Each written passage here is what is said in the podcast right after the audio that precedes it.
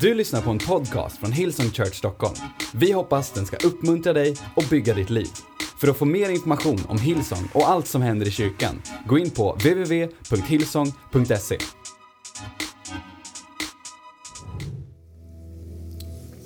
Om du har din bibel med dig så slå upp den till eh, Josua bok, kapitel 5.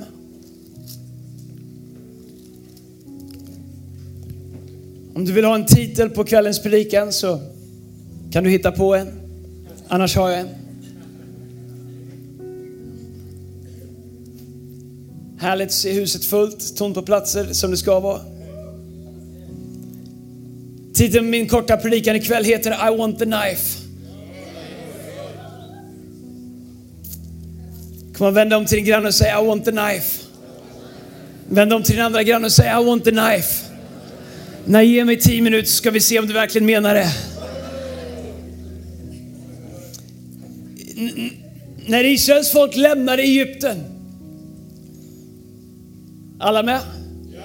När Israels folk lämnade Egypten så hade de varit slavar i Egypten i nästan 400 år och de hade längtat efter att få lämna Egypten. Och man, hade, man hade kring lägereldar på kvällar berättat om det här landet som kallas för löfteslandet. Det heter löfteslandet för det var det landet som Gud hade lovat dem. Generation efter generation dog i slaveri i Egypten. En dag så kommer Mose och leder Israels folk ut ur uh, Egypten. Men man går inte från Egypten in i löfteslandet på grund av det faktum att när man har, när man har kommit ut ur Egypten, när man har gått över Röda havet, så, så tog det inte många månader att gå igenom öknen tills man kom till löfteslandet.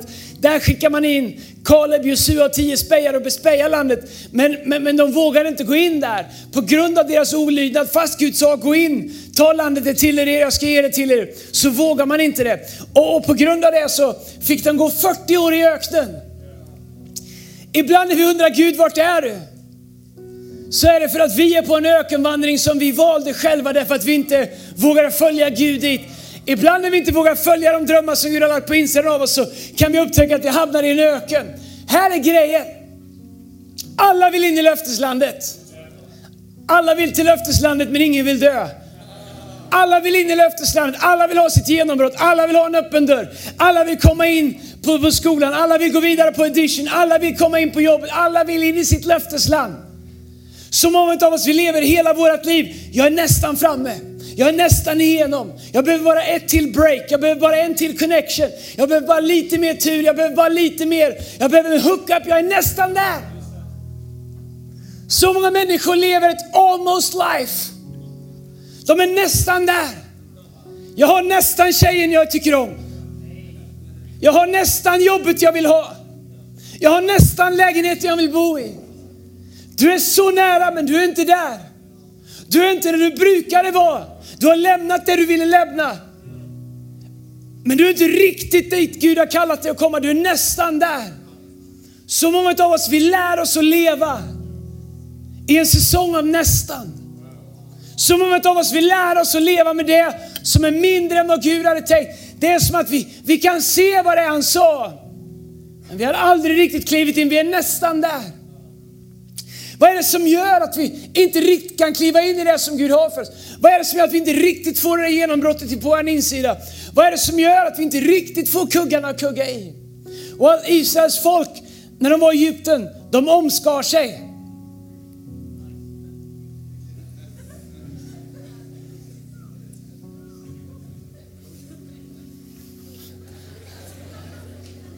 Men det som hände var att den generationen som lämnade Egypten var tvungna att dö i öknen. Och den generationen som kom in i löfteslandet var födda i öknen. Kolla här vad som händer. Generationen som hade varit i Egypten, de var omskurna. För det gjorde man där. Det var Israels sed. När man inte vågade gå in i löfteslandet, när Kaleb och Josua bespejade det, så såg Gud, okej, okay, då får jag vänta till den generationen som inte vågar tro att jag kan hålla vad jag lovar. Då får jag vänta tills de dör. Och så säger han, nästa generation som föds i öknen, Josua-generationen, de får göra ett nytt försök på löfteslandet. Och i, i Josua kapitel 5, vers 1 så ska de gå in i det här löfteslandet. Och det, det står så här. Det här kan gå hur som helst, jag har inga läsglasögon. Inte för att jag behöver det, men det ser coolt ut. Vi tar vers 2. De ska gå in i löfteslandet nu, Josua-generationen. Vid den tiden sa Herren till Josua, gör dig flintknivar, och inga skalpeller, och omskär Israels barn för andra gången. Jag vet inte hur du läser Bibeln, men om du har sett en flintsten någon gång. Men jag bara kan prata till alla killar ett tag. Det Gud säger är, ta lite flinta och låt omskärningspartyt börja. Vilka skulle omskära sig? Alla! Vet du hur många alla är? Alla är alla. Man tror, jag har pratat med framstående teologer, Tiglet Malkaj och Niklas Ås. När Tiglet tror att det var 250 000 män i öknen. My God, vilket omskärelseparty! När Niklas Ås tror att det kan ha varit 350 000, ända upp till en halv miljon män. Det Bibeln säger är att kanske en halv miljon män ska omskäras med flintknivar. Vi måste fortläsa, jag kommer tillbaka till det. Släpp den tanken. Då tillverkade Josua flintknivar och omskar Israels barn vid förhudshöjden. Han gav ett namn där detta skedde. Ljud, håll för öronen. Orsaken till att Josua omskar dem var denna. Alla män som dragit ut ur Egypten, alla stridsdugliga män hade dött under ökenvandringen efter uttåget ur Egypten. Visserligen hade alla de som kommit ut blivit omskurna i Egypten, men de som var födda under ökenvandringen efter uttåget ur Egypten var alla oomskurna. Så Israels barn vandrade i öknen i 40 år, till dess hela folket, alla stridsdugliga män som dragit ut ur Egypten var döda eftersom de inte lyssnade till Herrens röst. Det var när de skulle gå in i löfteslandet första gången. Därför svor Herren att han inte skulle låta dem se det land som han nedare lovat deras fäder att ge oss. Ett land som flödar över av mjölk och honung betyder att det var välsignat. Men deras söner som han lät komma i deras ställe, hmm. de omskar nu Josua. De var oomskurna eftersom de inte hade blivit omskurna under vandringen. När allt folket hade blivit omskuret stannade de kvar i lägret tills alla hade återhämtat sig. Man kan säga att det gick åt mycket ispåsar i lägret. Och Herren sa till Josua, idag har jag vältrat av Egyptens vanära av er. Platsen fick namnet Gilgal som den heter än idag. Här är vad som händer. Gud säger, vi ska inte gå in på varför de skulle omskura, omskära sig, det var sed, men det var ett sätt att helga sig. Okay, det var ett sätt att tänka på att man tillhörde Gud. Uh, och, och, så Gud säger, okej, okay, om ni ska vara mitt folk så måste ni omskära er. Det, det är ett förbund vi har. Men här är, kan du tänka dig själv, du får liksom en order. Jag tycker att det är bökigt att få upp våra gudstjänster ibland. Men det vi ska göra är att få ut människor från mötet som slutar här 18.45 så vi kan få in er till 19.00. Josua ska omskära en halv miljon människor. Nej, jag har inte tid att berätta hur det här gick till, men jag måste ta lite tid i alla fall. Tänk dig att du gör flintknivar. Herre, om jag hade varit med i det där. Du vet att du vill inte komma sent i kön. Du vet att knivarna, knivarna, flintan är slö efter ett tag alltså. Skriket efter den, du vill vara först i kön så du inte behöver höra någon annan skrika. Kan du tänka dig att du är liksom nummer, du är nummer 1050. Du har hört 1049 grabbar skrika med allt de har. Ångestläte. När, när en räv tar en hare så har, finns det något som kallas för ett ångestläte. Man kan använda det för att locka på rävar också, men, men det är en annan sak. Ett ångestläte, det är det värsta ljudet du kan höra. Jag vet inte om du har varit i skogen någon gång och hört en hare ge upp ett ångestläte när en räv tar dem. Kan du tänka dig en halv miljon ångest? Kan du tänka dig vara sist av en halv miljon? Hur många vet att det inte fanns sprit på den tiden och tvätta flintknivarna med? Hur många vet att det fanns liksom inga sådana hygien? Hur många vet att de hade inte mask, de hade inte handskar, de hade inte förklä? Det var öken, det var sand, det var inte hygieniskt. En halv miljon män ska omskäras. Förresten så har vi ett omskärelsemöte nästa söndag klockan... Om du Ta med din egen flinta. Tiggy kommer leda den gudstjänsten, jag kan tyvärr inte komma. De låg i veckor, i veckor och väntade på att kunna gå igen. En halv miljon män ligger utslagna för att Josua har hackat dem som grönsaker med sin flintkniv. Men Gud säger, ingen som inte omskär sig kan komma in i löfteslandet. Han säger ingen som inte vill ha kniven kan få löftet. I want the knife. Alla som ville komma in i löfteslandet var tvungna att omskäras. När ett barn föds, Rickard och Rebecka, våra pastorer i, i, i campspastorer i Hillsong Örebro, de var hemma på, på lunch efter mötet idag. Rebecka är, är redo att föda när som helst. Då. Jag vet inte om du vet vad kejsarsnitt är, men jag har, har flera gånger uh, haft människor som har ringt mig och sagt Andreas du måste be, nu är det akut kejsarsnitt. Det som händer är att man tittar på ett barn och förlossningen kommer inte igång. Och efter ett tag om förlossningen inte kommer igång kan läkaren säga vi behöver ett akut kejsarsnitt. Det innebär att på bara några sekunder, några minuter så åker man in i en operationssal och för att rädda barnet så tar läkaren en skalpell och skär upp mammans mage och tar ut barnet därigenom. Man kan tänka, jag vill inte ha någon som skär i min mage. Men om man inte skär i magen så kommer det liv som finns på insidan av mamman inte kunna överleva. Utan det snittet som man lägger där som för alltid kommer vara ett R, kommer vara en påminnelse om det katt som krävdes för att nytt liv skulle kunna komma ut. Vet du vad, ibland i våra liv när vi säger till Gud, Gud, jag vill vill inte ha någonting som gör ont. Jag vill inte ha något katt. Jag vill inte, jag vill inte ha kniven. Så säger Gud att om jag inte får skära i dig så kan jag inte ta fram livet som finns på insidan av dig. Ibland är det så att saker som Gud lägger på insidan av oss måste skäras ut. Och du säger Gud, varför gör det så ont när mitt purpose ska gå i fullbordan? Det är därför att ibland måste Gud göra kejsarsnitt på dig. Ibland måste Gud säga, jag måste ta kniven och skära fram det. Ibland är det saker i vägen i våra liv där Gud säger, det jag har för dig kan inte komma fram förrän jag får ta bort det som ligger i vägen. I Johannes 15 så säger Jesus att, att belöningen för att bära frukt är att Gud skär av grenar i våra liv. Jesus säger varje träd som bär frukt ska beskära. Varje gren som inte bär frukt ska skära bort sig så att den, de grenar som bär frukt kan få all näring. Det som händer om man inte skär bort döda grenar från ett träd är att de döda grenarna till slut dödar de levande grenarna.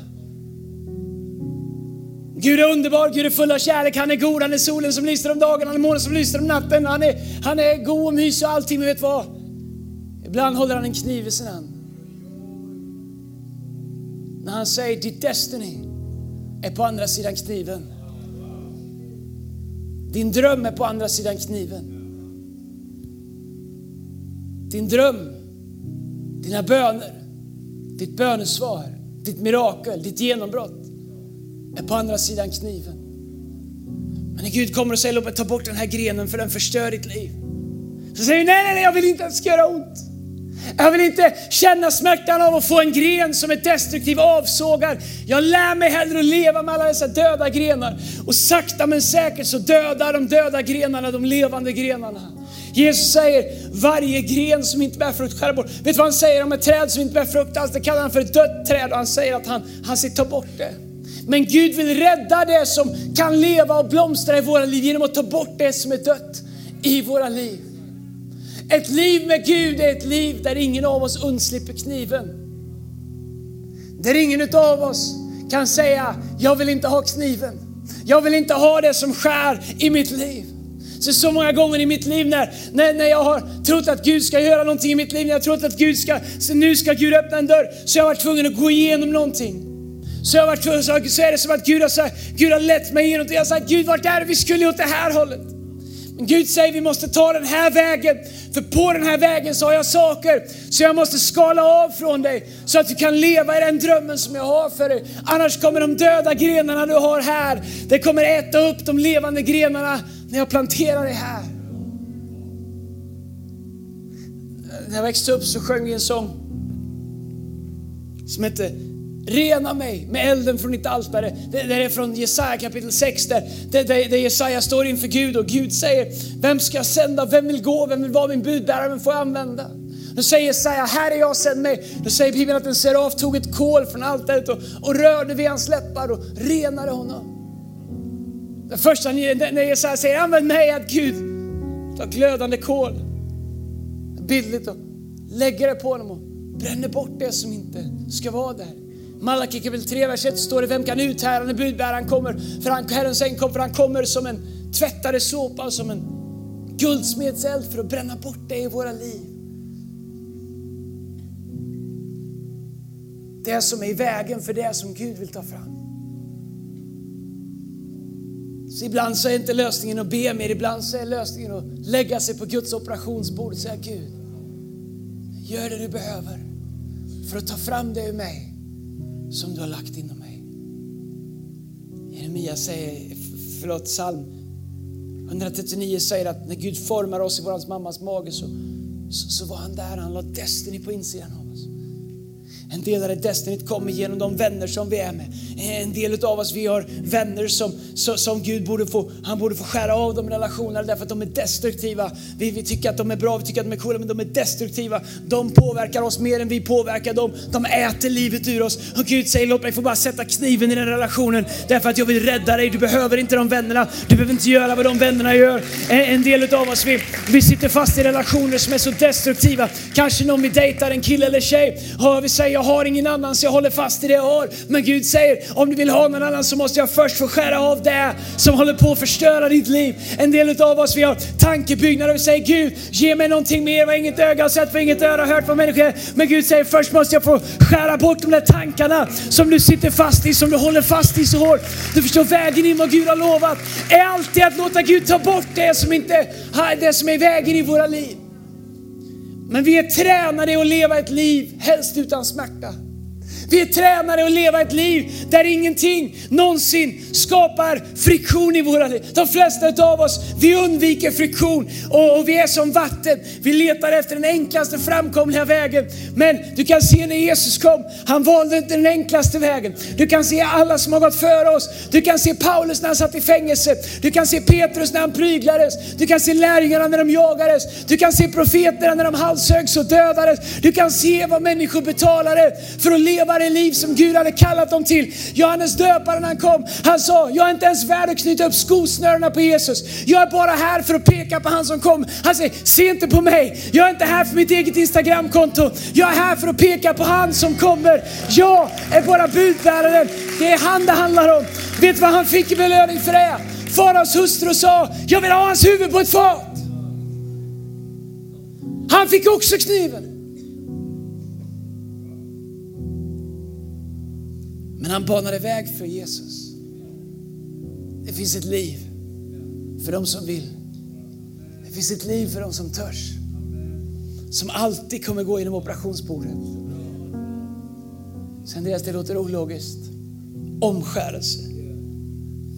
Det låter ologiskt. I want the knife. Jeremia pratar om krukmakaren. Alltså, han säger gå ner till krukmakaren. Se hur han tar leran och, och, och, och, och, så talas det om en drejskiva. Och så börjar han dreja någonting och när det går sönder står det att han kastar inte bort leran utan han formar om den. Men vet du vad, det är inte bara en berättelse om att Gud kan ta det som har gått fel och, och skapa något nytt ur det igen. Det är sant det också. Men först och främst så är det en bild på att Gud vill forma oss. Att Gud vill få sätta sina tummar i oss, sina händer och forma oss till det. Vi är leran men Guds, Gud är händerna. Och han säger, du är lera, du har potential att bli en vas, du har potential att bli något vackert, du har potential att bli ett konstverk. Men du måste låta mig få sätta mina händer i dig och, och forma dig. De flesta av oss, vi vill gå från lerklump till konstverk utan att någon någonsin gör någonting som känns obekvämt i våra liv. Men faktum är att om vi inte får lägga våra liv på drejskivan så kommer vi bara stanna som en lerklump med stor potential. Men om vi vågar lägga våra liv på drejskivan så kommer Gud kunna säga, det kanske kommer smärta lite grann, men låt mig bara forma dig till det som du har potential att bli. Därför att medan världen ser en, en lerklump så ser Gud ett konstverk.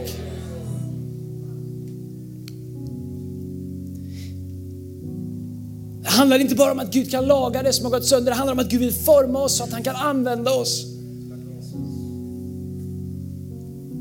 Så för alla oss som är här uppe på scenen, så är sanningen den att om vi är för stora för att städa toaletter så är vi för små för att stå här uppe på scenen. Vi brukar säga att om du är för stor för att duka i ordning scenen så är du för liten för att stå på den. Så skillnaden när du hör någon som Robert som på förra mötet eller någon annan predikant som du tycker om som Carl eller vem. Det som gör att det är någonting i det de säger som tar tag i det, det är att de har gjort någonting för att stå där.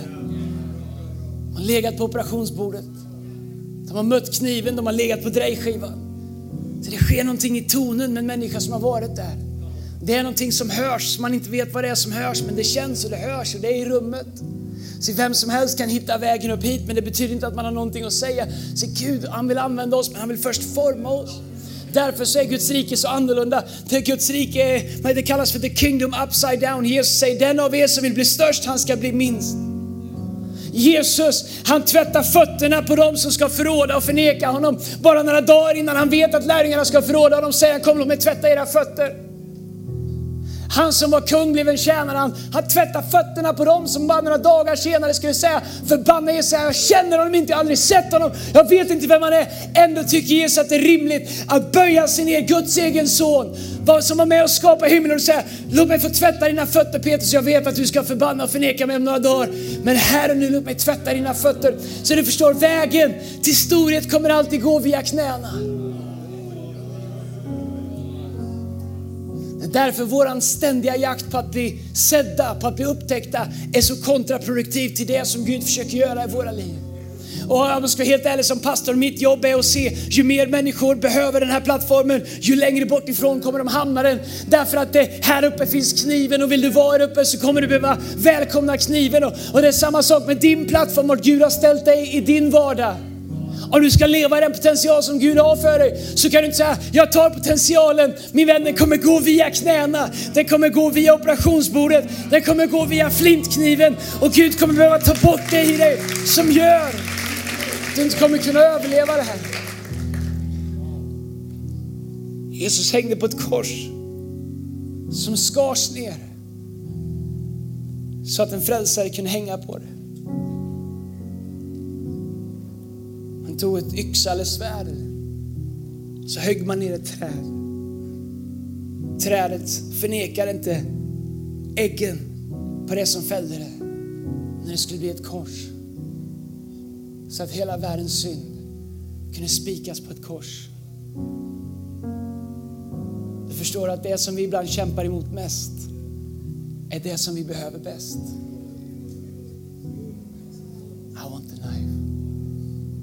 Jag är trött på kristendom som bara handlar om fjärilar och ballonger och happy clappy.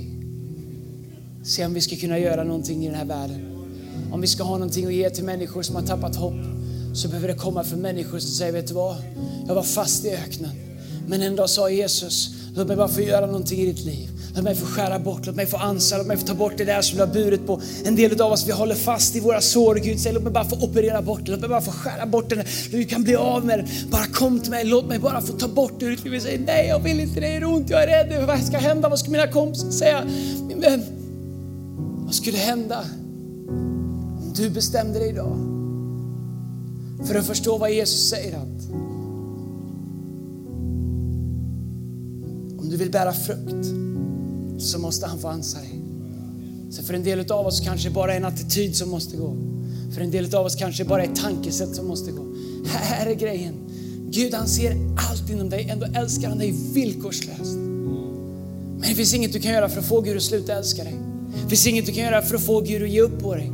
Det finns inget du kan, få Gud att göra, du kan göra för att få Gud att sluta söka efter dig. Han är så in love with you. Men här är grejen. Det finns inget sätt du kan få Gud att ge dig det som du inte är redo för. Det finns inget sätt att leva ett liv där vi håller fast i saker som Gud säger att vi ska släppa taget om. Vi kan inte runda flintkniven och säga Gud jag tar det flintkniven ger ändå.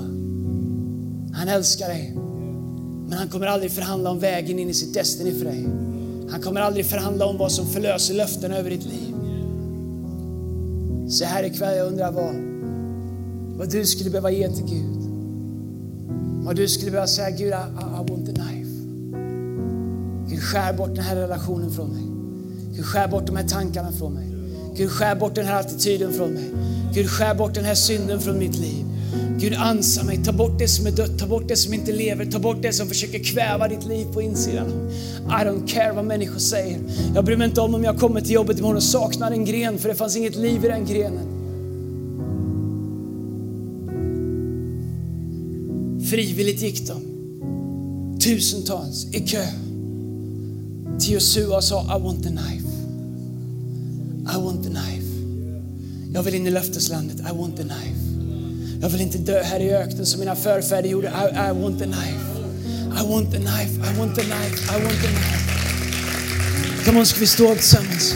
Om du är här idag, Gud har ett löftesland för dig. Men det löfteslandet kommer inte komma förrän du ser Gud i ögonen och säger Gud, I want the knife. Gud, jag vill ha det du har för mig. Come on teamet, vi ska sjunga en sång tillsammans. Jag har bett dem sjunga den här sången igen. Elohim. Det du måste förstå om den här sången är att det är en mäktig sång att sjunga. Den kan ge dig gåshud. Men mycket mer än det så är det en sång som deklarerar vem han är. När du sjunger He's Elohim, maker of heaven and earth. He, he's Lord of all. Så säger du, herre, du är herre över allt. Du är herre över mitt liv. Du är herre över allting. Det du säger är Gud, om det behöver skäras så skär. Om det behöver rensas så rätt. Det är en inbjudan till Gud. Att rensa våra liv, att rena våra liv, att bli i våra liv det som han behöver bli. Kom on, jag vet inte vart du är på väg, men jag är på väg till löfteslandet. Så här ikväll, I want the knife. Här ikväll, jag är inte gjord för att dö i öknen. Gud har kallat mig in i löfteslandet och Gud har kallat dig in i löfteslandet. Kom on, jag undrar om det finns någon här inne ikväll som är trött på öknen. Kom on, sjung.